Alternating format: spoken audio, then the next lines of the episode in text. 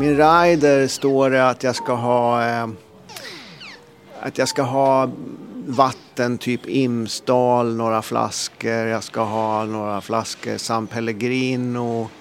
Jag ska ha färsk frukt, ekologisk frukt, ekologiskt grönt te och eh, ekologiska nötter och så två handdukar. Det är inte så mycket mer. Jag har en ganska enkel rider. Väldigt eh, anspråkslös får man säga. Ja, men jag, jag, tycker det är, jag tycker det är bra att ha liksom frukt, grönt och vatten när man kommer fram. Att man kan göra en bra kopp te och sådär. Det, det räcker att man har bra vatten och kanske om man känner att man vill fira lite så har man lite så San Pellegrino och lite så bubbelvatten. Och... Men har den här riden alltid sett likadan ut eller har det varit vildare förr om åren? Den har sett ut så här nästan hela tiden faktiskt. Om man går tillbaks, jag tror man kan gå tillbaks till United States som har bokat med sen typ 90-talet så riden sett nästan likadan ut sedan dess. Inga vilda fester med dig? Nej, jag, det blir inte så mycket det när man turnerar. jag är väldigt fokuserad på mitt framträdande. Du, det låter vettigt och rimligt tycker jag. Eh, livet är, livet är långt. Det är det. Och den här veckans gästas jag av Gävles stolthet med en rad hits på sitt samvete.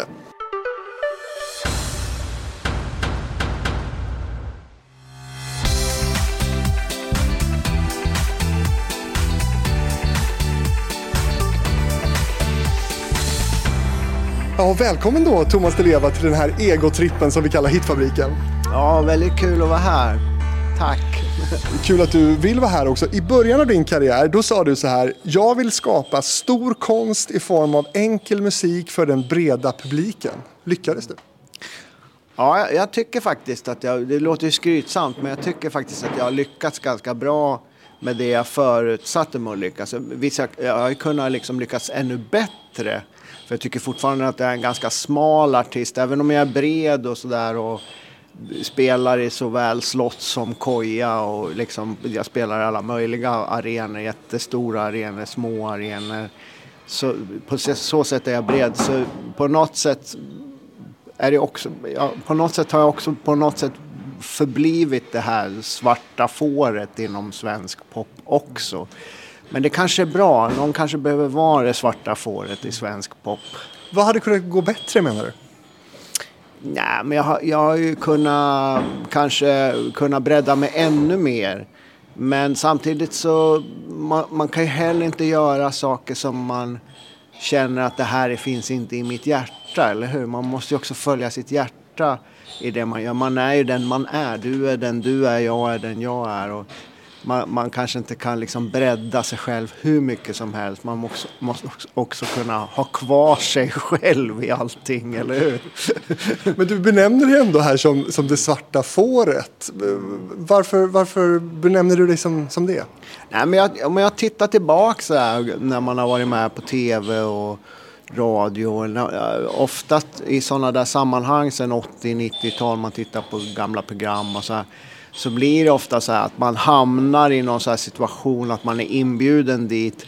Inte bara för att man skriver bra låtar och, och, och sjunger bra och är en bra artist utan också, ja men han är konstig och har du alltid varit så här konstig? Alltså hela fråges, alla frågor har alltid varit så här varför är du så här konstig ungefär? Mm, mm. Eh, och det, det, går ju igen när man tittar liksom på gamla Youtube-klipp, liksom så här, gamla klipp på Youtube så, här, så ser man att liksom, visst, Sverige försöker ju vara ett sånt land där det ska vara lika för alla och att vi är jämställda och så här.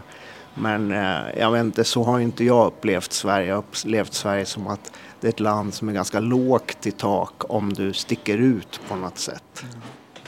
Men, men, känner du att du har varit, jag menar, okej okay, du har ändå upplevt då att, att du har varit liksom inbjuden som den konstiga. Men, men eh, hur ser du dig själv när du tittar på de här klippen då? Ser du inte att du, det sticker ut ändå?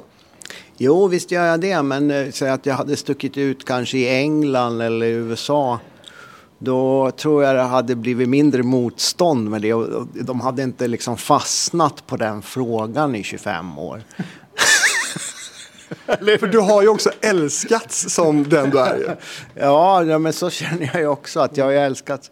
Men, men jag, jag älskas ju av min publik liksom. Och det är, jag tror att jag är en artist som det är ju publiken som gör att jag finns. Att jag har en stor publik. Att jag, jag turnerar, jag gör 70-80 konserter varje år. Eh, spelar för utsålda hus hela tiden. Det är ju inte media som har byggt upp det. Det har jag ju byggt upp tillsammans med min publik. Det ska bli otroligt kul att få prata om din karriär och, och dina hits. Ett, ett, ord som du reagerade på när jag, när jag tog här förut när vi pratade innan. Ja, nej men hits, vad, vad är hits? Jag menar hits är ju lite så här, idag är ju hits man tittar på hits i, på Spotify så går det ju upp och ner timme för timme. Det som ligger etta nu ligger liksom plats hundra om en timme. Liksom. Det går så fort idag. så, när, när det fanns skivor och CD-skivor var det ju mer så här. Man släppte ett album och så låg albumet liksom topp fem i, i tre veckor liksom. Och då var det en enorm hit. Men idag funkar det ju inte på det sättet längre. Hur funkar Dileva då i det här nya liksom, musiklandskapet skulle du säga? Jag känner att det funkar bra på vissa sätt. På andra sätt så känner jag att jag har fortfarande mycket att lära av hur det fungerar idag. Men jag känner ju att jag, jag, jag tror inte att som det fungerar idag med Spotify, alltså, jag tror att det tror jag kanske också är lite på väg bort för jag tror att musik kommer mer och mer hamna på blockchain. Och vad är det? Ja, det är samma som typ bitcoin, ethereum och så här, typ kryptovaluta. Jag tror att hela internet kommer att hamna så i, på blockchain. Att det, att det, att det är liksom... Eh, att man delar personligt. Att jag delar till dig, du delar till mig. Mm. att det, det, är internet 3.0. Att det blir ett ganska decentraliserat internet. Eh, och man ser ju redan idag med, med, konst och så att konst har blivit NFTs. Att man säljer liksom bilder som, som är en JPEG som är bara din. Som, som är patenterad på att den är din. Liksom. Har du någon sån? Eh, jag har ingen JPEG, jag har inte köpt någon JPEG än, en NFT. Men, men jag tycker det är intressant. Man ser att ofta när man ser så här utveckling först mm så, så tänker jag, ja men det där blir nog inget med det där. Men sen fyra, fem år senare då brukar den där typen av utveckling ta över och förändra allting. Och då brukar allting annat bara försvinna. Det, jag menar de som jobbade på Kodak på 30, 40, 50, 60, 70, 80, 90-talet. De trodde väl aldrig att Kodak skulle försvinna. Alltså Kodak för er som är unga de hade någonting som kallades för film som man hade i filmkameror. Och de var störst i hela världen med det, hade typ monopol eh, nästan. Och eh, de trodde ju aldrig att det skulle försvinna men de gick i konkurs när det digitala tog över. Ja, det, det är såklart en, en otrolig förändring som har skett och du har varit eh, verksam som stor artist sedan 80-talet och vi ska eh, prata om det nu. Eh, något som jag minns väldigt mycket med dig är att du har gett upphov till otroligt massa härliga citat. Du är en citatmaskin. Är jag det? ja, men det känns så. Till exempel så fick du en fråga när du var singel och så fick du frågan om du var på jakt efter någon ny kvinna och då svarade du jag minns faktiskt inte. Alltså, du, får, du får hjälpa mig där. Då sa du att nej, jag är vegetarian. Ja, men det är bra. det är bra svar. Ja, men jag är vegetarian. Men det lät också så konstigt, jakt, att man är på jakt efter någon. Det är, liksom, det är mer ett möte kanske man söker om man är ensam. Liksom. Ja, det är fantastiskt ja. ja. Hur lyssnar du på musik idag skulle du säga? Vad lyssnar du på? Jag lyssnar mycket på Kanye West, för min äldsta son lyssnar på Kanye West. Hur gammal är han? Han är 21. det är typiskt Kanye West-ålder. Mm. och, så, och så lyssnar jag, på, ja, men jag lyssnar på andra rappare också, för uh, han lyssnar på mycket rappare. Mm. Och så lyssnar jag mycket på, min, min tioåriga son han lyssnar mycket på så Ed Sheeran och så, så jag hör mycket Ed Sheeran-musik också, mm. den typen av musik så här, som tioåringar lyssnar på. Men dina barn då, hur, hur insatta är de i, i, din musik? Hur bra koll har de på Thomas Di Leva? Ganska bra koll. De har ju kom, kommit på en massa konserter och de ser ju när jag håller på. Och de är ju med när jag skriver låtar och liksom, eh, de ser ju när jag sitter där hemma med gitarren i soffan och helt, sen hör de. Först ser de att jag sitter i soffan och plinkar och sjunger någonting och skriver ner Sen hör de det på radion eller ser det på tv liksom månader senare. Så de förstår ju att det pågår någon slags process. är de själv intresserade av musik? Ja, min yngsta son han spelar piano och sjunger. Och, han bygger också lego. Han är jätteintresserad av lego. Så vi får se vad som tar över. Är pappa med och bygger då? Jag är inte så mycket med och bygger men eh, Sofie, mamman, är med mycket och bygger. Du eh, skivdebuterade 1980 med bandet Pelle Snorks och spelade också i bandet Modern Art eh, från början. Eh, innan ditt riktigt stora genombrott med Vem ska jag tro på så får du en, en, en mindre hit med den här låten.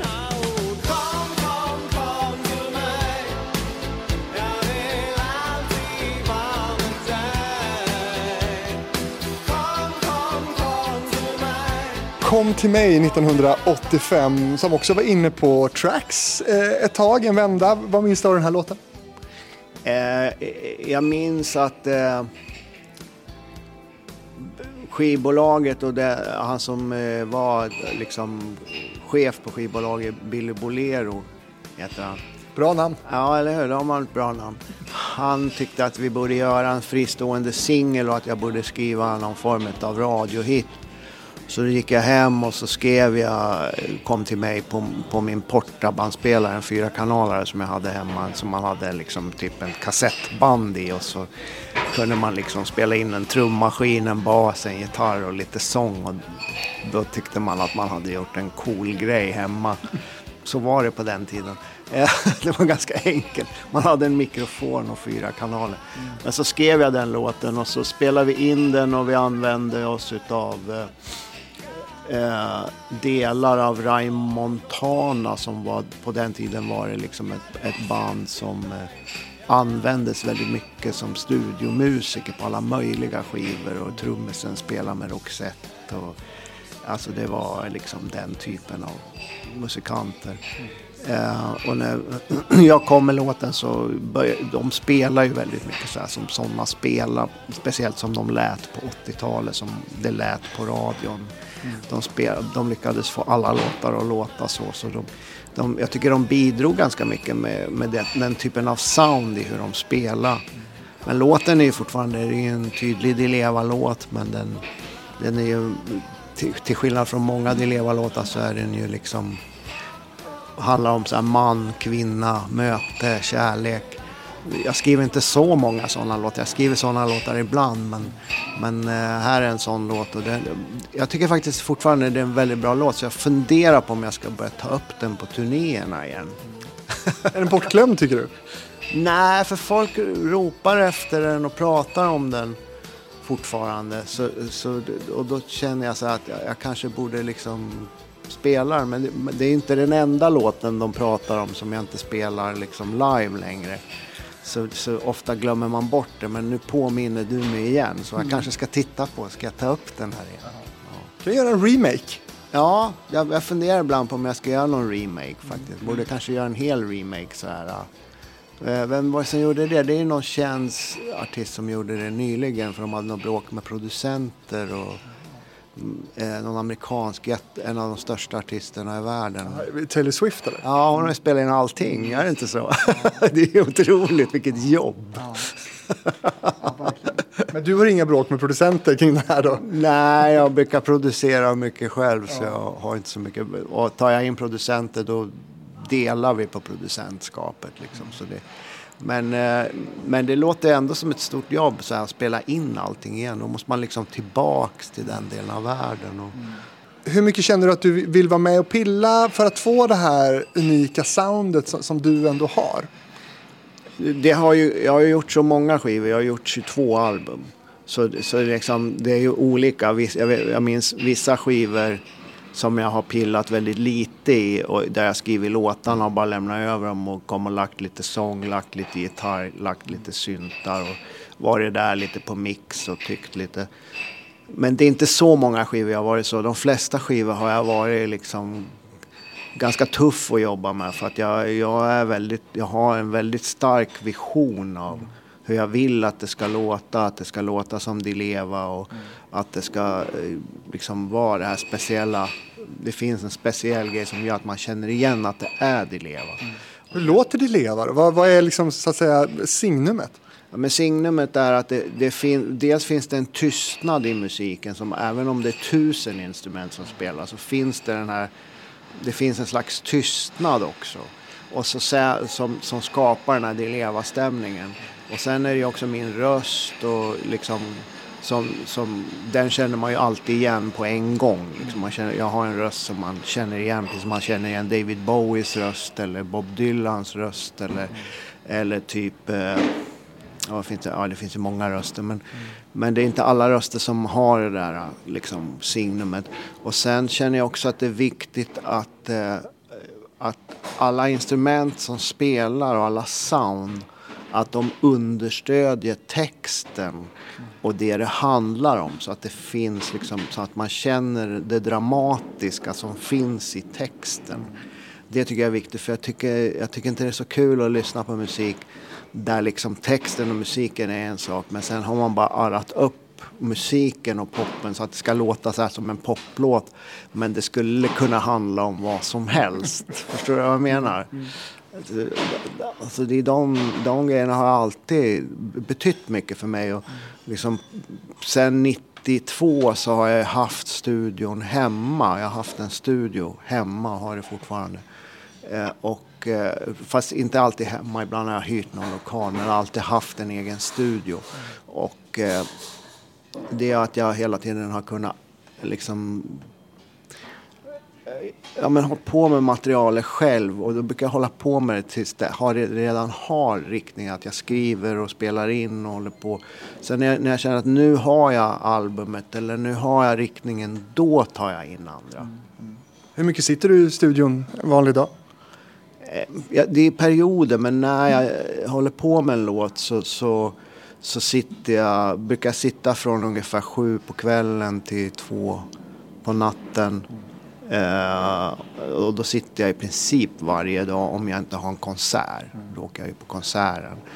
Och när jag kommer hem från konserten eller om jag har tre konserter på raken så är jag borta tre dagar. Mm. Uh, och sen när jag kommer hem då kanske det är lite svårt att bara gå rakt tillbaks till studion. Man kanske behöver en, en dags liksom bara lyssna på fågelsång och titta på ett träd. Och, mm ha det mysigt också med familjen. Ja, om du är i studion 19 till 02, det är ju ett under att du är gift fortfarande. Ja, det är Men det är inte varje kväll, utan det är ju när det kommer en idé så blir det så. För jag är lite så här, när jag får en idé då vill jag börja med den på en gång. Mm. Och så sen typ inom en vecka så finns låten liksom inspelad och klar. Och då brukar jag välja, ska jag, jag brukar ofta fråga faktiskt Sofie, min fru, så här, ska jag göra klar den här själv eller ska jag ringa Anders Lundström som jag brukar jobba med som producent eller ska jag ringa Andreas Alenius som jag också jobbar med. Mm. Um, Ja, då brukar jag, ja men nej, det här ska du nog göra klar själv, liksom säger honom en del. Och så de här, nej men, nej, men ring honom. Liksom, mm. så. så det, det blir att eh, familjen är ju med ändå tycker i allt. Jury liksom. Ja, de är så ah, men det här var ingen bra, ingen bra vers. Det här måste du göra om. Men du, det är kul att höra om de här kreativa processerna. För det, det är ju så viktigt i en, en artist och låtskrivares eh, vardag. Eh, ditt stora genombrott, det kom 1987.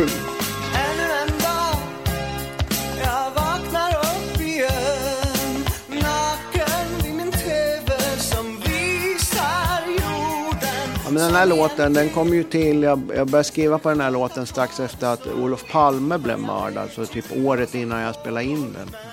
Men, eh, och, och, för jag kände att det var, hela Sverige var i en sån otrolig chock och sorg. Vem ska jag tro på, tro på, tro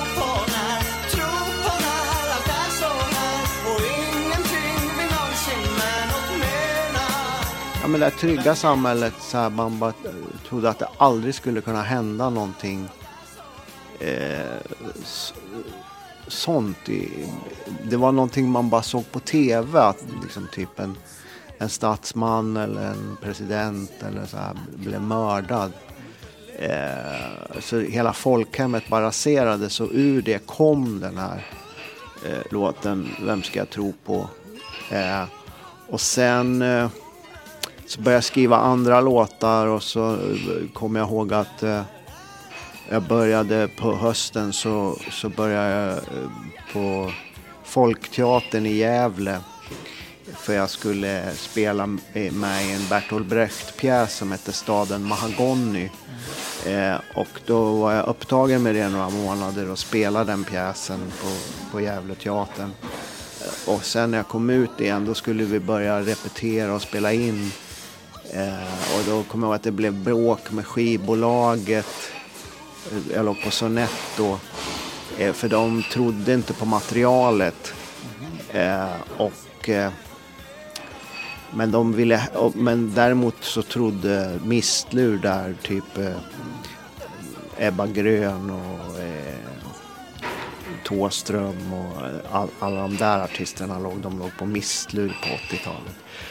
De trodde på det här materialet, de hade hört det. Och, och, men då ville inte Sonett släppa mig så jag kommer ihåg att dagen innan inspelning så så sa Mistlur att ja, men vi, vi kan göra den här skivan och då var det liksom typ ett slavkontrakt med 3 procent. Alltså det var ett jättedåligt kontrakt på Vem ska jag tro på? Som de har ändrat nu. Men, men det var ett fruktansvärt dåligt kontrakt. Hur länge var du fast i det kontraktet då? Eh, ja, i... Du menar med Mistlur? Mm. Ja, men det var jag fast i, i. Jag lyckades ändra det i mitten på 90-talet så det blev ett normalt kontrakt. Men i alla fall så det, det var så här, vi måste ha papper på att du eh, släpps från eh, Sonett, annars kan vi inte spela in Vem ska jag tro på? Som all, så hette ju alla albumet jag hade skrivit, hette Vem ska jag tro på? Så då tog jag en taxi ut till eh, Sonett och så gick jag, eh, sprang jag upp på chefens rum så här oannonserad och så sa jag så här att nu måste du liksom skriva ett papper att att jag eh, blir... Eh, ja, men att ni släpper mig. Annars så hoppar jag ut genom fönstret. Och då skrev han ett sånt papper. Vilket hot ändå. Ja, jag var ung. ung och dum. Men, men det funkar i alla fall. det var det enda jag kunde komma på. Annars hade vi inte haft Vem ska jag tro på? Men hur mycket pengar eh, tror du att du har gått miste om på den här hitplattan?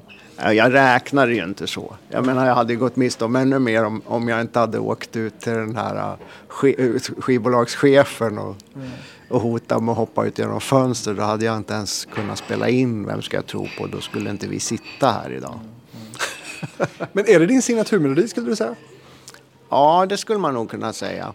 Det är väl den plus, det, det, finns ju tre låtar som om man inte spelar dem på konserterna så blir det upplopp.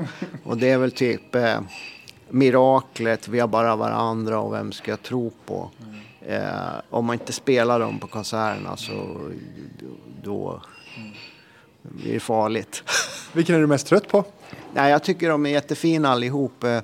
Jag, alltså, jag gillar mina låtar. Jag gillar att sjunga dem och spela dem. Jag tänker på det varje gång jag, jag spelar på konserter och sådär.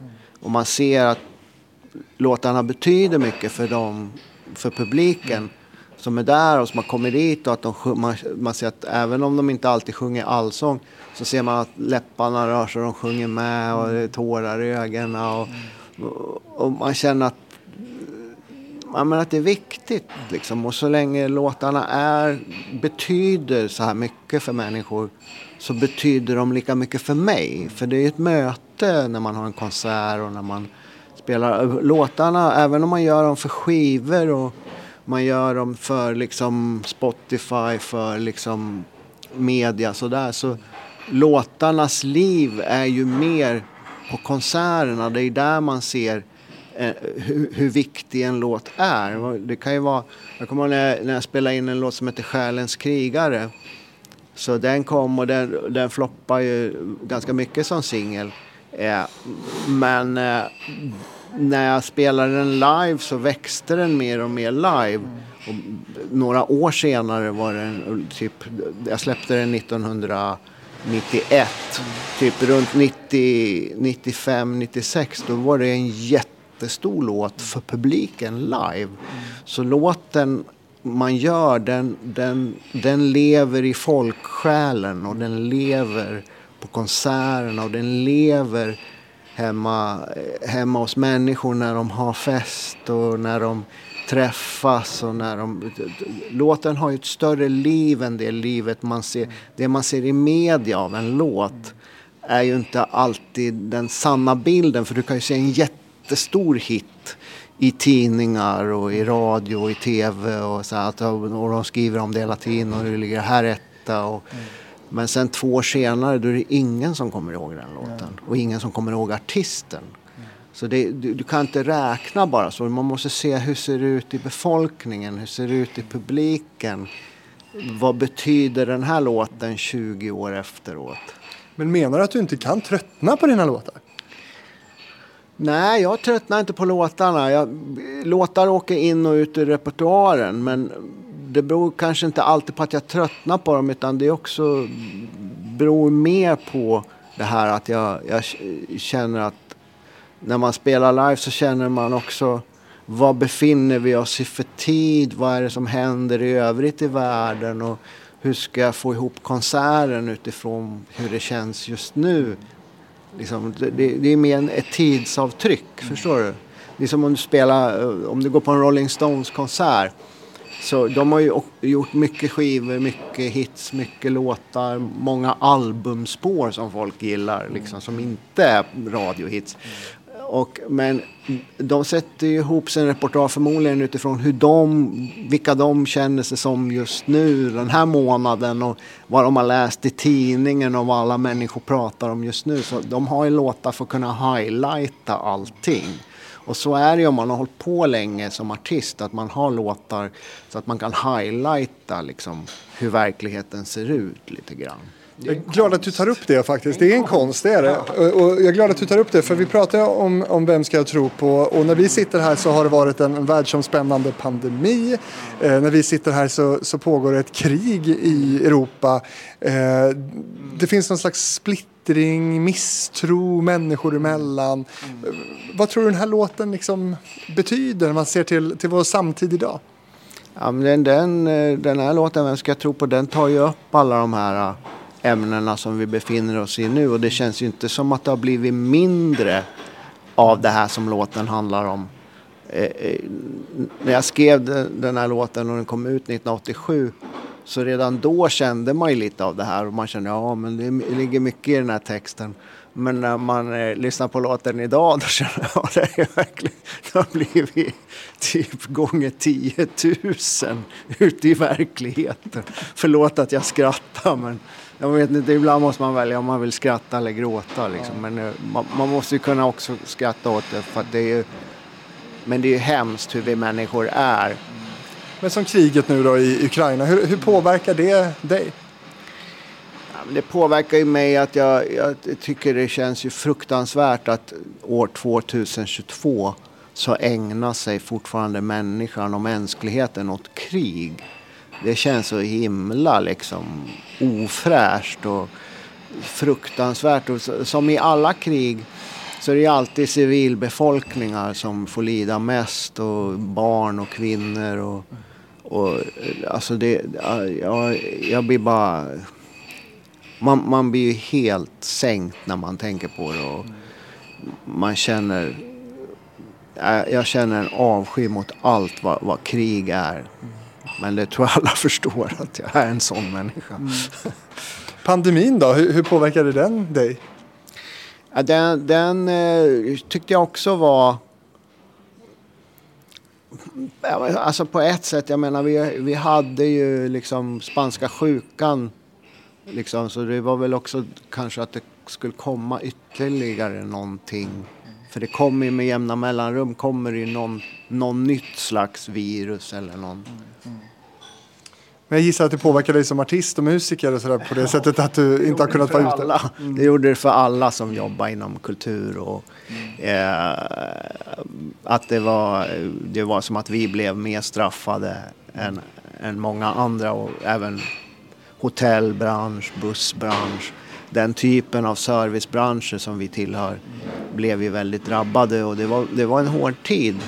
Eh, men eh, på, jag lyckades ändå ta sig igenom och nu får vi hoppas att det, att det håller och, och sådär. när du slår igenom här 87, hur märker du att, att du verkligen står inför ett, ett, ett brett genomslag här? Eh, nej men alltså jag, jag märkte det i... Eh, att från ena dagen till den andra, så när man klev av scenen så liksom stod det jättemycket folk där och skrek och alltså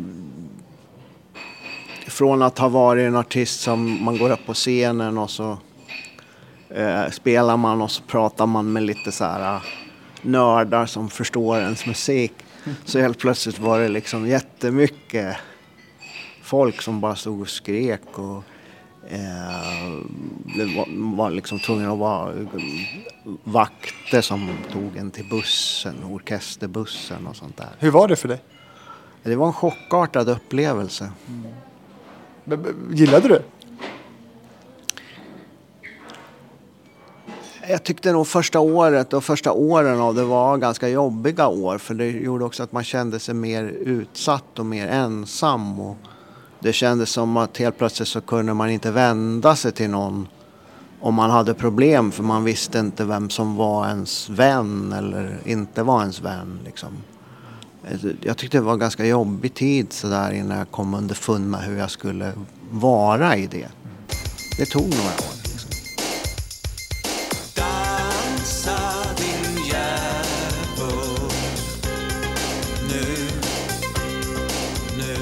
Dansa din djävul från 1988 med Thomas Leva. Berätta om den här låten. Eh, den här låten, eh, det var första jag spelade in på, på Warner. Det är många skivbolag. Men du hoppade inte ut genom fönstret i alla fall? Nej. Nej, men eh, alltså jag kände att eh, jag ville göra någonting som var lite som en bruksanvisning för det egoistiska samhället. För vi lever ju i ett ganska egoistiskt samhälle och alla vill fram, alla vill ha sin framgång och man kliver på varann liksom för att nå dit man ska liksom. Uh, och det är väldigt lite medmänsklighet. Visst, det fi finns ju mycket medmänsklighet också, men det finns ju också en del av samhället som, du förstår vad jag menar, som är den här hårda, där man ska fram till varje pris och det är väldigt egofixerad. Mm. Så då skrev jag, låter som en slags satir eller ironi, som en bruksanvisning för liksom, hur man skulle liksom nå toppen. Och då handlar det om att dansa, din djävul? Ja, man ska dansa sin djävul. Lite skämtsamt sådär. Man, man, eh, visst, alla har väl någon djävul i sig samtidigt som man har liksom en ängel i sig också. Men i, i, det här, i de här sammanhangen så när man ska armbåga sig fram så... Ja, det Reklam. Dansa din djävul nu och vi är i slutet av 80-talet här då du eh, har slagit igenom och ska sätta din stil och ditt sound. Hur, eh, hur mejslades det fram från början det här? Fanns det inom dig eller hur, hur, hur kom det här Dileva-soundet till? Eh, nej men det, det, det, det kom till av eh, Dels så hade jag väl liksom, det var så jag kände att låtarna skulle arrangeras. Men sen eh, var det väl också den typen av musik. Jag gillade, jag gillade David Bowie, jag gillade The Cure, jag gillade Kraftwerk. Eh, jag gillade den typen av band som hade väldigt spejsade sound, som, som, där man verkligen eh, Nej, men där man verkligen eh, jobbade med gitarrsoundet, man jobbade med, med syntarna, man, man gjorde saker liksom som skulle göra att musiken kändes spännande, att det var ett spännande ljudlandskap. Idag är det ganska lätt att göra det, för det, vi lever i en så digitaliserad värld. Så att man liksom, man sitter och jobbar med, med, i studion idag så får man upp 3000 syntljud bara genom att trycka på en knapp och så ska du välja någonting. Och någon har gjort ett cool beat som du bara laddar ner en loop. Eh, idag går det ju fort. Men på den tiden när du skulle göra ett schysst syntljud då fick du sitta en timme och skruva på en riktig synt. Och då... Eh, kan du sakna det? Ja, alltså det, det var ju många sena kvällar i, i massa studios. Men, så, men, det, men det var roligt. Men jag kommer jag kom ihåg att jag stod och jobbade med, med bandet i studion och vi spelade in så här på dagen. Eh, och sen eh, vid klockan fem då brukar jag åka hem från studion för att spela in så här gitarr, bas, trummor och lite så här och jag hade lagt lite sång, så här, lite slasksång. Sen åkte jag hem och så åt jag mat och så sov jag tre kvart, en timme. Sen åkte jag tillbaks till studion vid sju, åtta och så höll vi på att skruva på syntar fram till klockan ett. Liksom, så jag, kommer, jag fick hålla på sådär för att liksom, få det att bli de här sounden. Liksom. Det, det blev ett ganska hårt jobb faktiskt. Ja, speciellt om man vill vara med så mycket som du vill då. Ja, om man har så, man har så mycket åsikter som jag. Kontrollbehov. Ja, då blir det jobbigt. Men du, som sagt, vi, vi benämnde då eh, hur stort du slog igenom och hur älskad du blev av en stor publik. Eh, men det var inte de enda reaktionerna. Eh, nej men jag, jag, jag kommer ihåg att jag, när jag var ute och turnerade med, precis efter Vem ska jag tro på så, så eh, vi gjorde någon folkparksturné på sommaren och då, man hann inte mer än gå upp på scenen. Jag kommer ihåg det började i Bengtsfors. Så gick man upp på scenen och så bara haglade det stenbumlingar. Så kom polisen och vi fick liksom avbryta konserten. Och så var det på många ställen i början. Men jag, jag brukar liksom skoja och säga det, det, låter ju allvarligt och det var ju det liksom. Alltså, vi hade ju verkligen kunnat bli allvarligt skadade av alla stenbumlingar som åkte in, som folk kastade. Men jag brukar säga så här, i efterhand brukar jag säga att det var då jag lärde mig dansa. och du var liksom Thomas, du var liksom nära till skrattet hela tiden. Men, men, och det är underbart. Men, men om vi bara landar lite i det här allvarliga ett slag. Blev du allvarligt skadad någon gång? Eller hur nära var det? Um, nej, jag fick en stenbumling i bröstet en gång som gjorde ont, kommer jag ihåg. Men jag, det kändes ju som att det, visst det gjorde ont någon vecka men sen gick det ju över. Men på insidan bröstet då, hur kändes det där? Ja, men det kändes ju som att det här, det jag gör är så pass viktigt att folk sätter igång och bråkar. att det har, det har ju någon slags sprängkraft, mm. det jag håller på med. Mm. Så, så, även om det var jobb, en jobbig tid så kände jag att eh, jag kommer inte att ge mig utan jag har ju rätt att framföra min musik och mina idéer. Och, eller hur? Det är ju, vi lever i ett fritt samhälle. Man måste, alla får väl göra vad de vill. Liksom. Det är väl liksom, i alla fall det jag har fått lära mig i skolan.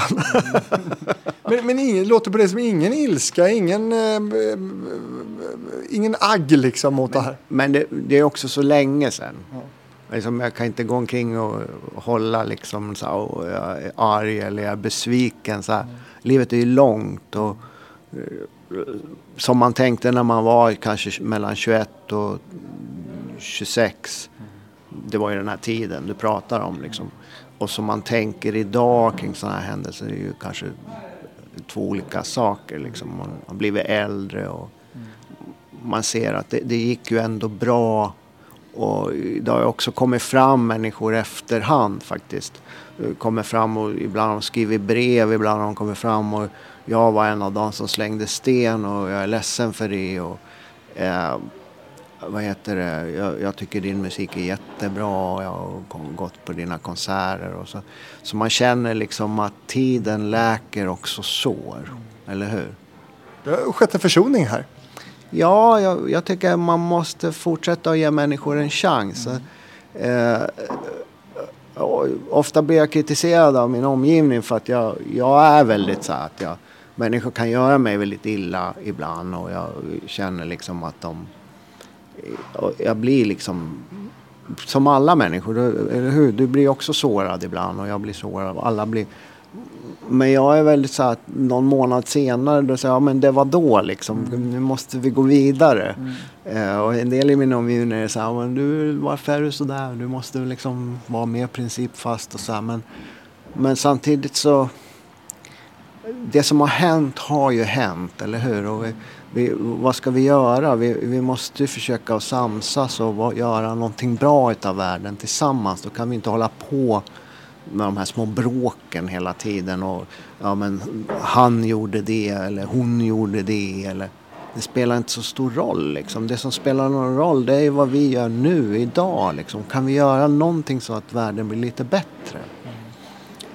Kan vi göra det istället? Liksom? Vad, vad som hände mig för liksom, 25 år sedan. Även om det var smärtsamt då, det var då. Liksom. Jag kan inte göra någonting åt det nu, det har redan hänt. Det, det, tror jag de flesta förstår att 25-30 år senare så kanske det liksom, vatten har runnit under broarna. Men då tänkte jag mer. Ja men då var det ju liksom jobbigt. Men, men jag kände ändå samma då liksom det här att jag, jag, jag, jag gillar inte krig liksom. Och då behöver jag ju tänka så i mitt eget liv också, eller hur? Att jag, om man inte gillar krig, jag gillar inte krig, jag tycker krig känns fruktansvärt. Då behöver jag också tänka det i, min, i mitt eget liv. Att jag kan inte ge mig in i något så här att jag ska vinna över någon annan och sånt där. Det är ju inte det. Jag är inte här för att vinna. Jag är här för att för att försöka ge någonting. Liksom ge från mitt hjärta. Det är, en, det är en helt annan sak än att försöka vinna. Att ge från sitt hjärta. Liksom. Jag tänker på den här paradoxen också som du, jag vet att du har pratat om tidigare också med att, att vara så otroligt hyllad som du ändå är samtidigt som du kände dig mobbad. Ja, nej, men jag kände mig mobbad och jag, jag känner väl fortfarande mig till viss del mobbad mm. som artist. Och det, när jag pratar med mina vänner så säger de att det kommer det nog alltid att vara. Liksom. mobbad på vilket sätt? Nej, men att man alltid är lite utanför. Liksom. Att man är inte liksom... Man blir liksom inte direkt inbjuden. Utan man håller på med sin grej på sidan om. Mm. Och även hur stor den grejen än är så är man alltid lite på sidan om. Liksom. Vad är det du inte blir inbjuden till? Nej, men man märker det. Man är, man är inte lika mycket med i tv, radio. Man är inte lika mycket med i tidningar. Men det, jag tror också det beror på att, att typ journalister och sådär. De tänker nog också att de... Ja, men jag tror de känner så här Ja, men vad ska, hur ska vi, vad ska vi säga och hur ska vi prata med honom? så, jag tror det är mycket så också, att de, de känner liksom mer att... Är de osäkra på dig? Ja, jag tror det är lättare för dem kanske att prata med, med någon liksom, som de säger, ja men heja Hammarby, liksom, som en lite enklare person. Jag tänker att det är tvärtom, att, att det är väl roligare att prata med någon som är då, inte som alla andra. Då. Jag vet inte det. Jag tror man, man, man vet ju inte. Om man, om man ser en fågel i trädgården som man aldrig har sett förut. Mm. Då vet man inte hur man ska närma sig. Liksom. Man vet inte. Men är det några, jag tänker att du är... en giftig fågel. Men jag tänker att du har ju varit på så många arenor och med på så många. Är det någonting du saknar att du inte har fått göra då? Eh, nej, jag, jag, saknar ingenting direkt. Jag, jag, jag, känner att jag har gjort så pass mycket. Mm. Eh, så att jag... Jag ser inte heller det jag gör som att jag är liksom någon sportstjärna som ska, jag ska vinna olika turneringar och nu måste jag vinna den här turneringen. Mm. Det är inte det jag håller på med. Jag håller på med en skapande verksamhet. Mm. Och den, för mig är ju den själva skapelseprocessen, att skapa saker och att skapa någonting på en scen, det är ju det som är syftet. Mm. Och sen om det är liksom eh, var det än är någonstans mm. kanske inte alltid är så viktigt utan det viktiga är att det finns en, ett liv i det och det finns ju ett liv i det jag gör och det är ett liv som fortsätter. Det jag gör har ju blivit ett helt liv för mig och för dem som lyssnar på det och som är med i det. Så det är ett liv vi har tillsammans. Det är ju det viktiga i det här, att man har ett meningsfullt liv tillsammans. Men, men kan du vara rädd för att du liksom har pikat som artist? Jag vet inte. Jag, jag, jag känner också så här att om man går och kollar på Rolling Stones då är det ju inte för att det är senaste singeln som gör att man går utan det är för allt det de står för och det de har gjort. Och, mm. Sen kanske de kommer med en ny singel som ändå fan vad cool. Det här är en jävla bra singel liksom. Eller det gör de. Rolling Stones kommer ju fortfarande ibland med, med så här wow vilken cool låt. Alltså min 21-åriga son Cosmo, han lyssnar på Rolling Stones. Så han brukar säga, ja, de kommer med en ny singel och han är 21 år, det är så himla cool.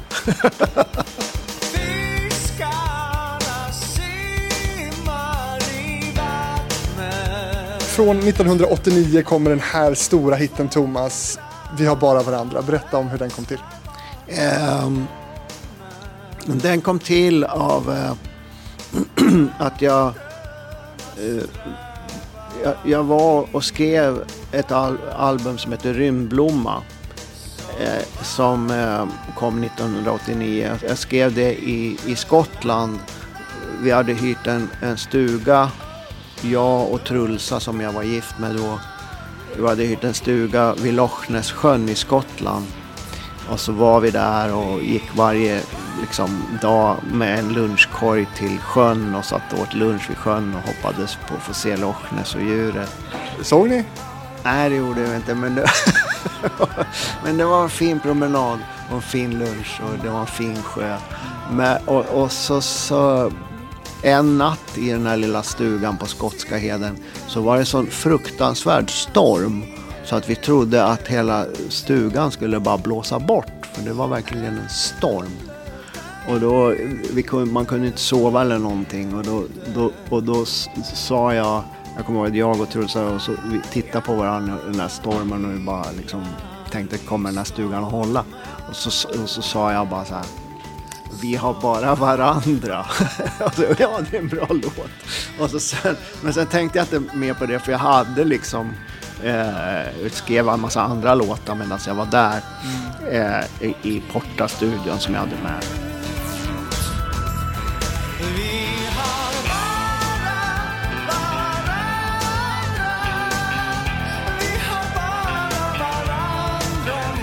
När vi kom hem så skulle jag gå på en fest i Gävle med massa gamla kompisar. Och då kom hela låten till mig. Så jag, när jag var på väg till festen så då skrev jag ner den på en servett så här. Och texten och så spelade jag in den dagen efter hemma hos mina föräldrar. Eh, i, i, min liksom fyrakanaliga Porta-studio. Och så sen eh, så skulle jag spela upp det för Sanji Tandan på, på skivbolaget Warner.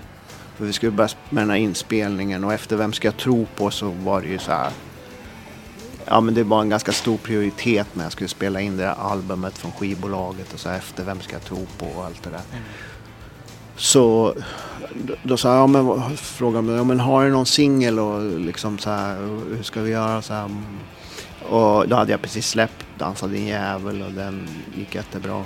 Och så, så eh, spelade jag upp den här Vi har bara varandra för Sanji Tandan. Och så sa jag det här kommer att bli liksom en eh, odödlig låt. Och då, då spelade jag upp den för honom och han sa Ja, jag vet inte. Jag, jag, förstår inte hur du menar men, men jag litar på dig. Om du säger att det är så så är det så. Okej, okay, det får bli en singel. Jag, jag, tror på dig. Du, du har nog rätt. Han sa han förstod inte så man, han litade ju på mitt omdöme helt plötsligt där. Och, ja. det är inte så ofta som skivbolag gör det. De har inte litat på dig? Nej, men då, jo, så kom den ut och det, liksom, det jag, jag, jag, var bara så övertygad om den låten. Eh. Va, vad var det som gjorde den här övertygelsen då för dig? Eh, ja, för jag kände eh, hur låten kom till mig. Jag kände att låten, eh, den kom verkligen till mig från universum. På, det är svårt att förklara men den bara liksom kom till mig och med också där liksom meddelande till mig att det här är liksom viktigt. Där ska du bara spela in och så. Och, ja, ibland så har man bara den känslan att det här är någonting som behöver göras. Vilka är det som meddelar dig, tror du? Det är väl det gudomliga som finns i allting som meddelar mig genom allt jag gör och meddelar dig genom allt du gör. Och sen om man väljer att lyssna på det eller om man vill lyssna på sina tankar och funderingar mer. För det, det är inte i tankar och funderingar utan det kommer mer i tystnaden och mer ur hjärtat och mer det här som man inte kan förklara. De här idéerna som kommer till en som bara finns där och som ofta är så här, vågar jag lita på det här? För att det är ofta idéer som är så här, om det här verkar lite konstigt. Men det är de idéerna som är bra. Ja, då får man tro på att det är något gudomligt som, ja, som är med att, i spelet. Att det är universum eller det gudomliga som försöker vägleda en och göra någonting. Men det är inget religiöst egentligen? Det är väl andligt, säger jag. Det är skillnad mellan... En religion är ju när man försöker ta det andliga som finns i allting och så försöker man göra det till att att det är en doktrin, att det är så här man ska nå allt det här och då ska man gå den här vägen och vara så här och tycka så här och se ut så här. Jag vet inte. Ja men frid och lycka till alla religioner, de är jättebra. Men vi ska inte göra oss ovän. Men jag, men jag känner att för mig så jag känner mer att det är Gud direkt, inga mellanhänder. Mm. Nej, Nej men och vad som är Gud, låt oss inte gå där. För det är ju många som har, alltså det är en svår Nej, fråga ju. Man vågar inte prata om det. får klippa men, ja, ja, det är en annan podd kanske. ja, det är en underground-podd. Men, men ehm, du nämnde i någon bisats här kring hur, hur man ser ut och sådär. Och det är ju många som förknippar dig med eh, din kaftan-look. Du är ju Sveriges kaftan-kung kan man säga.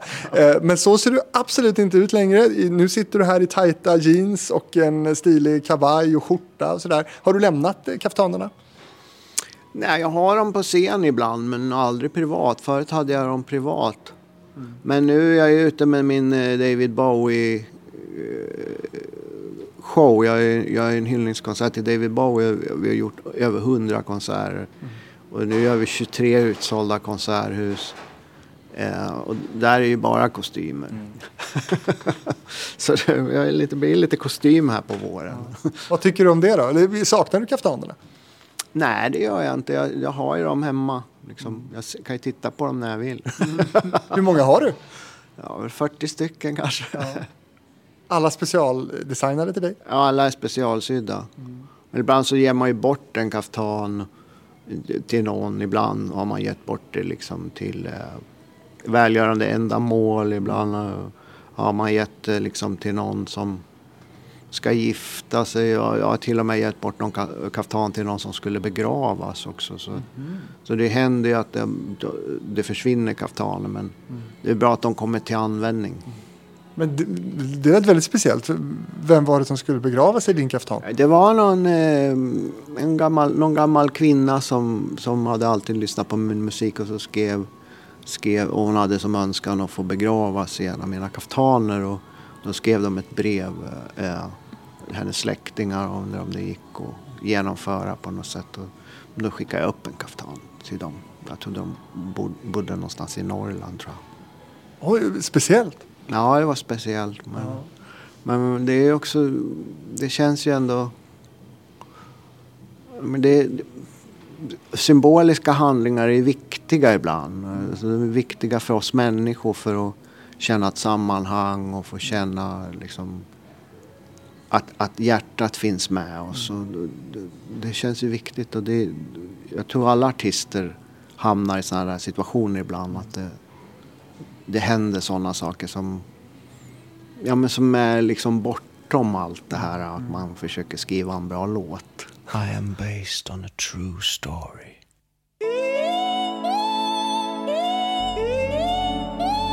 Från 1993 här, Naked Number One. Berätta om den här härliga låten. Eh, den här låten, den, eh, den har jag på skrev väldigt länge på... Eh, det var precis också den här skivan, eh, Naked Number One-skivan, var första skivan där jag hade en egen studio. Innan dess hade jag bara gjort eh, inspelningar i inhyrt, vi hade hyrt studios. Men jag kände att jag ville ha en studio så att jag kunde hålla på hela tiden. Arbetsnarkomanen i mig. men, men, alla kvällar, alla nätter. Man håller på jämt.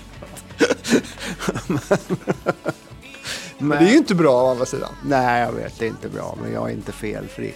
Men, men har du hittat någon balans nu tycker du då? Ja, det tycker jag.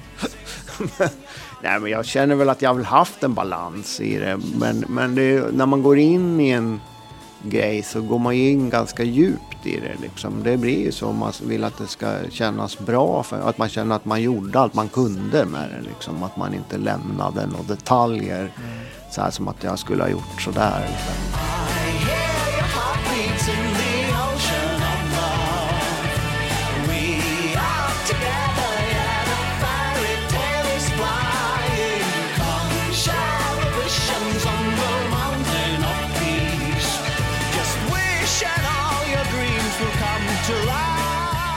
Vad var det som tog lång tid med den här låten? Ja, men det var, den, om man lyssnar på låten noga så ser man att den, den har ju en väldigt originell låtuppbyggnad. Det är inte bara vers, refräng, vers, refräng, stick, refräng. Utan den här har ju en låtuppbyggnad där det kommer nya partier hela tiden. Så nya stick, nya brygger. Och det var svårt att få ihop det så att det lät som ett rinnande vatten och ändå kändes som en poplåt. Eh, så jag höll på och skrev på det länge. Eh, men jag, jag, är glad att jag fick ihop det eh, så pass bra. Eh, alltså det, ja, jag, jag, är väldigt nöjd med den låten. Alltså att kunna, att jag kunde skriva. Jag brukar tänka, när man tittar på en del låtar man har skrivit sådär. Så, så brukar jag liksom säga så här efteråt, så här två år så hur skrev jag den här? För den blev så bra tyckte du eller? Ja, hur fick jag ihop den? Ja. Det är en snygg poplåt Thomas, och, eh, Naked Number One. Och den är på engelska också. Ja. Eh, berätta om det. Nej, men jag ville göra en engelsk skiva. Mm. Eh, och jag låg på Warner och då tyckte jag, men gör det tyckte de. Mm. Och så, så gjorde jag det. Eh, Eh, så gjorde jag det. Ja, men det är ju ändå speciellt eh, det här med de här språken, svenska och engelska. Ja. För, att, för att vi ligger ju så nära svenskan. Och, och hur närmar du dig engelskan här? På den tiden närmade jag mig engelskan genom att kolla mycket på typ så här CNN och David Letterman och eh, typ så här det som fanns, för det fanns ju, eller kolla på engelska filmer eller amerikanska filmer läsa böcker. Idag kan man ju närma sig engelska. Det är bara att gå ut på internet och börja chatta med någon på engelska. Så, så på liksom typ Twitter eller Facebook eller mm. Instagram eller något sånt där. Så i, idag har vi det där omkring oss. Men på den tiden var man ju tvungen att säga om jag ska läsa en engelsk bok eller mm. kolla på engelska BBC på nyheterna. Liksom, för att komma in i så här, okej. Okay, det är ungefär så där de uttrycker en sån mening. Eller... Fanns det något hopp här om någon slags internationell karriär? Ja, lite grann fanns det väl det. Men, men jag kände väl liksom, för mig var det viktigt att bara få göra en, en, eh, en engelsk skiva och eh, göra den grejen. Liksom, för jag hade inte gjort det och det, det kändes som en viktig grej att få göra. Jag är så glad för du är hos mig 1999 så kommer en annan då utav dina signaturlåtar som du måste köra i alla fall när du, när du spelar. Miraklet. Vad, vad är det i den här låten tror du som, som, eh, som gör att, att människor måste höra just den här? Eh, nej men det är väl det här mötet som, som är det viktigaste vi har. Miraklet handlar ju om, om mötet eh, mellan oss människor. Att det är det största miraklet som finns. Att vi, att vi kan se varandra, höra varandra, känna varandra. Kan krama om varandra, vi kan göra saker tillsammans. Vi kan till och med skapa nytt liv tillsammans. Det är väl det största miraklet som finns egentligen. Eh, och det är sånt vi kanske inte tänker på så ofta för vi tar det för givet men det är ju inte det är ju faktiskt ett mirakel att, att det är så i universum, att det har blivit så i universum. Det är helt otroligt egentligen om man tänker på det. Hur stor är chansen att det skulle bli så? Eh, och det känns ju som att när man spelar den här låten så det, den betyder ju väldigt mycket för väldigt många människor. Den, jag vet att den spelas på mycket bröllop och föd, vad heter dop och eh, sådana saker. Så kan det... man hyra in dig också på bröllop och köra den här? Ja, man... Är du en wedding singer? ja. Allting är möjligt förstås, men... Eh, För rätt pris, så, att säga? Ja, det, ja, det är svårt att vara, vara ideell i alla sammanhang som artist. I hear you.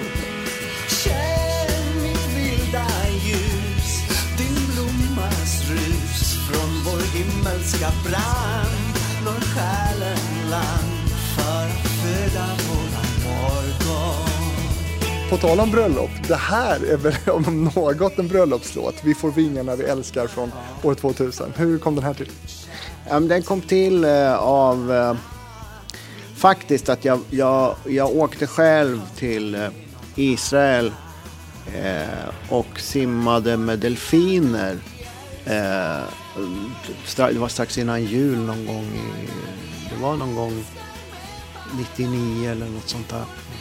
Och eh, jag minns inte riktigt. Men, eh, och så hade jag med min gitarr och det var så oerhört inspirerande att simma med delfinerna som fanns här utanför Eilat i en bukt där. Eh, och, eh, så, och då skrev jag den här låten, just det här med ah, Eh, vi får vingar när vi älskar, den handlar väl mycket om det här att kärleken eh, som finns, jag pratar inte bara om kärleken mellan man och kvinna utan jag pratar om kärleken som finns i mötet och mellan allting. Alltså, man kan ha kärlek till en växt också. Just att en växt är så fin och man vattnar och det känns som man har kontakt med växten. Mm. Så, så kan man ju känna hemma. Mm. Man, ja, man börjar prata med sina blommor och liksom vattnar dem. Och, och det, man, ser liksom, man, man, känner på sig när växten mår dåligt. Mm. Det är lite det som låten handlar om. Och, och, det kände jag så starkt när jag simmade med delfinerna så jag skrev den när vi får vingar när vi älskar.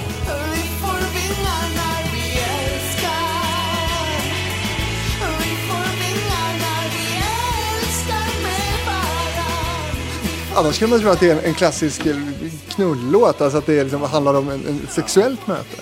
Ja, men det kan det ju också vara. Jag menar, jag vill ju inte begränsa mina texter till att de bara får handla om en sak. Alltså, ofta när jag skriver, om man tittar på mina texter, så är de ju nästan liksom som, som en eh, numerologisk rebus. Att de, du kan liksom läsa dem på många olika sätt. De har många olika bottnar.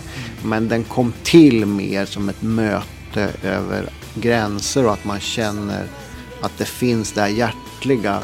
Det behöver inte bara vara mellan oss människor utan det kan vara, eh, ja, om man är hundägare förstår man. man. Man vet ju direkt när hunden inte mår bra eller vad hunden vill. Det finns det här telepatiska mötet som vi har med alla varelser.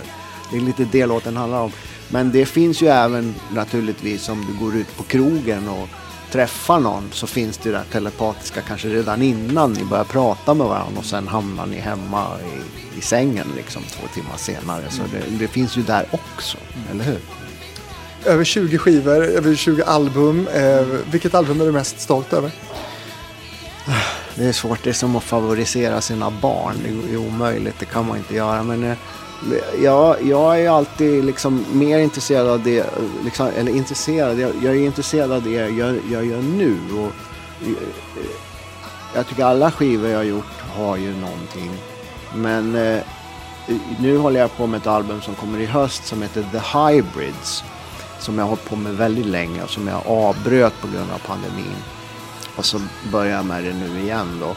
Mm. Eh, och eh, det eh, känner jag är det som ligger varmast i mitt hjärta just nu. Spännande. Vad är det för Thomas Leve vi får möta i det nya materialet? Eh, det är ett album om, som handlar väldigt mycket om artificiell intelligens, utomjordingar, ufos eh, och mänskligheten som blir mer och mer inträngd i, i det här som håller på att hända på jorden som vi inte kan påverka riktigt. Att snart är det inte längre vi som, som styr eh, vårt eget öde om vi inte tar vårt öde i våra egna händer och om vi inte reser oss upp och säger att här, här går gränsen. Det, vi har en fri vilja och vi måste själva få bestämma eh, över våra liv. För snart kommer vi bara att styras av algoritmer. Mm. Snälla Thomas, säg nu att du har haft ett möte med någon utomjording. Eh, ja, det har jag haft många gånger faktiskt. Mm. Kan du berätta om, det här är ju väldigt spännande, kan du berätta om, om något? ja, jag har haft olika möten och jag, jag kommer ihåg eh, dels med varelser men jag kan ju berätta en gång när jag var, skulle åka till Bollnäs och spela på en festival och min äldre syster Camilla var med i bilen. Och på, på den tiden hade jag väldigt mycket ufo-kontakter och sådär. Och då satt vi och pratade om det här med, med ufon och sånt. Jag och Camilla och hon ville så gärna liksom, ja men jag vill, jag vill så gärna tro på ett, men jag har aldrig sett något ufo och sådär. Och, och då satt jag bara och önskade så här, snälla kan inte liksom visar, kan vi inte få se ett ufo? Jag bara sände ut det. Så när vi kom där liksom vi åkte en backe där i skogen, kanske någon, två mil från Bollnäs. Så kom det ett UFO eh, ovanför trädtopparna som jättefint som såg ut som en kristallkrona ungefär. Liksom jättefint stort. Så hon såg det också. Så försvann det typ tre sekunder senare. Men hon såg det tydligt. Ja, ni var två som såg det då i alla fall? Ja, det var så fint att de visade sig mm. lite kort sådär. Mm. Ja, hur kort var det? Ja, så att hon såg det liksom. Ja, ja. Och vi såg samma sak. Men berätta om något möte då som du har haft med... För, för det... får räcka där. Ja, det är så? ja, men det, jag, jag berättar en sak. Men jag har haft mycket möten. Men jag känner också att det blir... En sån här, det är ju också... Man känner att det är väldigt privata, personliga saker och upplevelser. Och det, alla kanske inte förstår. Och man, man känner... Man portionerar ut det lite. Men är det inte viktigt, tänker jag också, om det nu är så att, att, eh, att det finns ufon och, och, och varelser från andra, att, att just de här vittnesmålen, att, att vi måste känna till det här? Det kommer ändå. Det, det, det luckras upp all eh, hemlighet kring ufon och eh, luckras ju upp. Det är ju väldigt mycket militären i världen som bestämmer över vad som får sägas och inte sägas. Plus att mycket av det här eh, som pågår det är också mycket eh, jättestora privata eh, företag, stora liksom eh, vapenföretag som Raytheon, Boeing, eh, Lockheed Martin som har jättestora intressen i den här tekniken som, mm. som är en helt annan form av teknik i hur man ska färdas. Mm. Så det finns ju mycket hemlighetsmakeri kring det här. Mm. Men då lämnar vi det. Men, men du, vi kan inte lämna det utan att alltså, har det varit positiva så att säga, krafter, möte, eller vad är det som väntar oss? Det är som med allting annat i universum. Det är ju bara att titta på, på vår egen gata. Att det finns väldigt mycket positivt och väldigt mycket negativt mm. också. Mm. Eller hur? Det är inte så enkelt som att gräset på andra sidan är grönare på andra sidan staket utan det är samma problem överallt. Eller hur? I universum. Mm. Det är ju naturligtvis det finns ju krafter i universum som inte alls vill oss väl och sen finns det krafter i universum som vill oss väl. Men kan det finnas en rädsla hos dig också? För, för många som, som hör det här eller lyssnar på dig nu kanske du också kommer tycka att du är liksom en knäppjöns. Liksom. Finns det en rädsla av att, att få den stämpeln då, då? Ja, men den har jag ju redan. Nej. alltså, Nej, men på riktigt alltså? Att, att...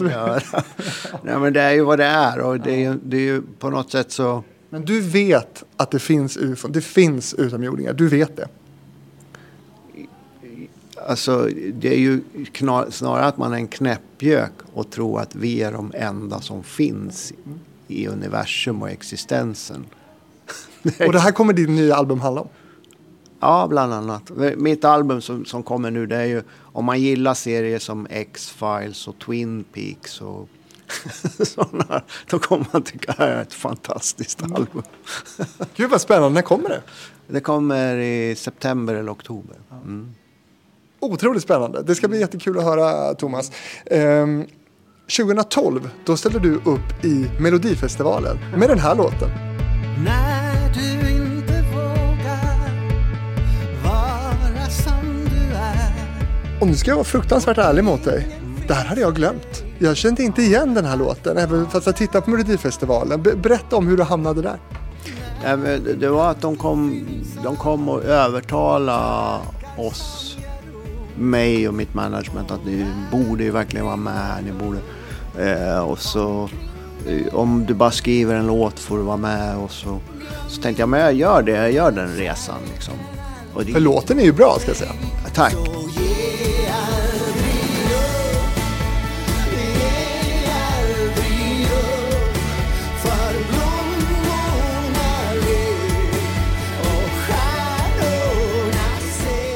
Jag skrev den där låten på en helg och så spelade vi in den och så var vi med. Men det, alltså det gick ju inget bra och jag kände när jag var med där så kände jag att det här är inte mitt forum. Att tävla i musik? Nej, det är liksom så långt ifrån.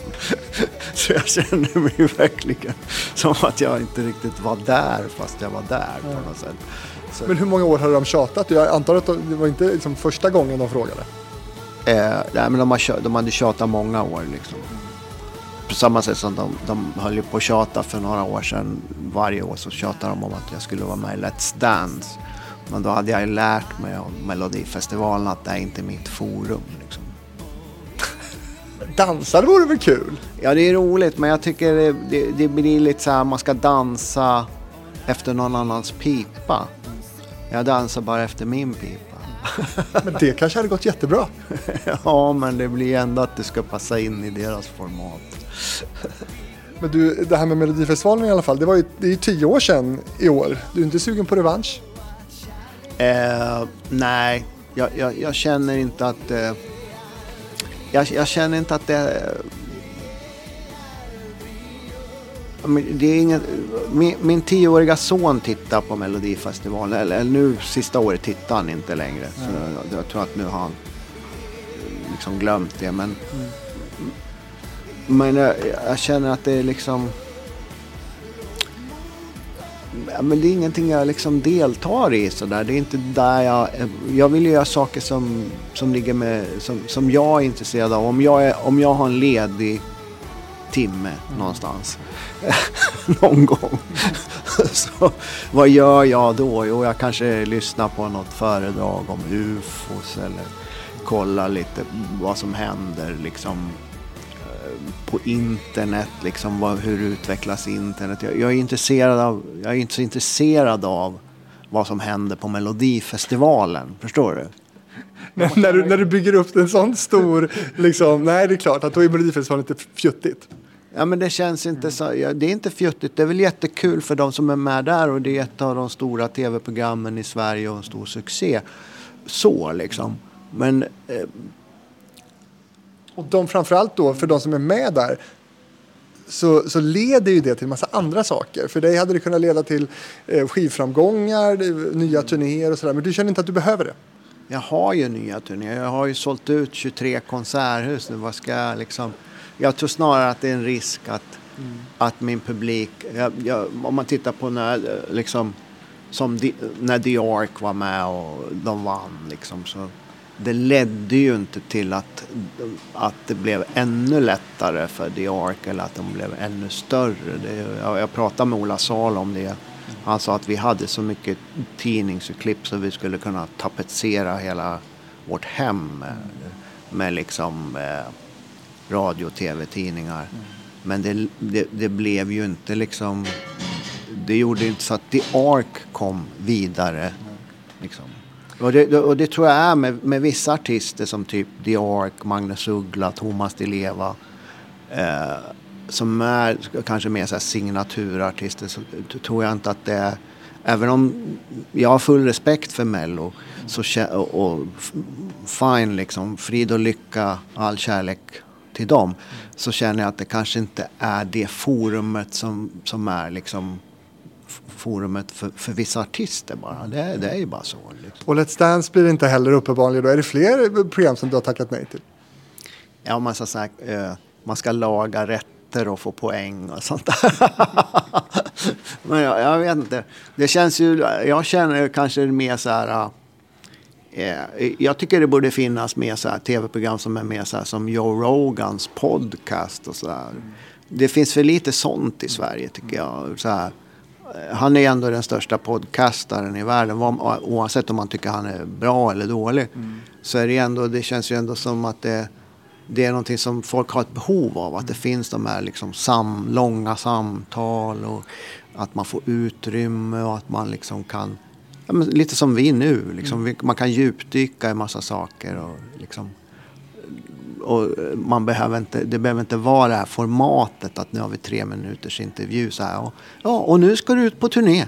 Ja, kommer alla de här frågorna som man har hört tiotusen gånger. Liksom. Och jag, jag tror att tv som format och sådär. Jag tror det kommer att förändras ganska mycket. För det känns ju mer som att vi är på väg in i en värld liksom, Eh, där man ser det liksom, de största är liksom typ podcasts. Så, eh, det är liksom, det händer mer och mer av att vanliga människor liksom är uppkopplade på nätet och gör intressanta saker. Det... När kommer Thomas Di Levas egen podd? Ja, när jag får tid. kan bli svårt då kanske? ja, ja, ibland brukar jag tänka så här att jag kanske borde sluta lägga ner så mycket tid på, på det musikaliska och eh, försöka liksom istället bara tänka mer på bara sitta och prata på internet. Eh, men jag har inte riktigt kommit dit än. Jag kanske kommer dit någon dag. Tror du att du kan lämna musiken? Jag hoppas det, men det liksom, varje gång jag försöker så kommer det alltid något nytt musikaliskt projekt eller någon, någon ny turné. Och, mm. eh, man turnerar, det, det, är också, det tar ju väldigt mycket tid och energi att turnera. Om man gör 23 liksom, utsålda konserthus, det finns inte en biljett kvar. Så alltså det, det, det är en enorm energi att genomföra ett sånt projekt. Och det är liksom jag önskar att jag var så pass så att jag bara kunde säga, ja men nu, nu kör vi en podd här innan konserten i en halvtimme. Mm. men, men jag är inte riktigt där än. Jag kanske blir så en dag. att jag har den liksom, autodidakta förmågan att kunna ha tusen järn. För redan nu har jag många järn i elden. Jag måste regissera showen, jag måste vara artisten. Jag, måste skriva material, producera. Och, eh, har att göra. Mm. Du, jag som har följt dig sedan 80-talet tycker att det är ganska obegripligt att du snart är 60 och du är dig lik verkligen. Är det något du jobbar på det där? jag försöker sova ut. Ja. Mm. det är viktigt att sova och ta sig, om man är ledig, sova en extra timme dricka mycket vatten, mm. äta mycket frukt, grönt. Mm. Eh, frukt och grönt är fantastiskt. Mycket klorofyll. Mm. Andas, meditera. Eh, det, det, Tränar du någonting?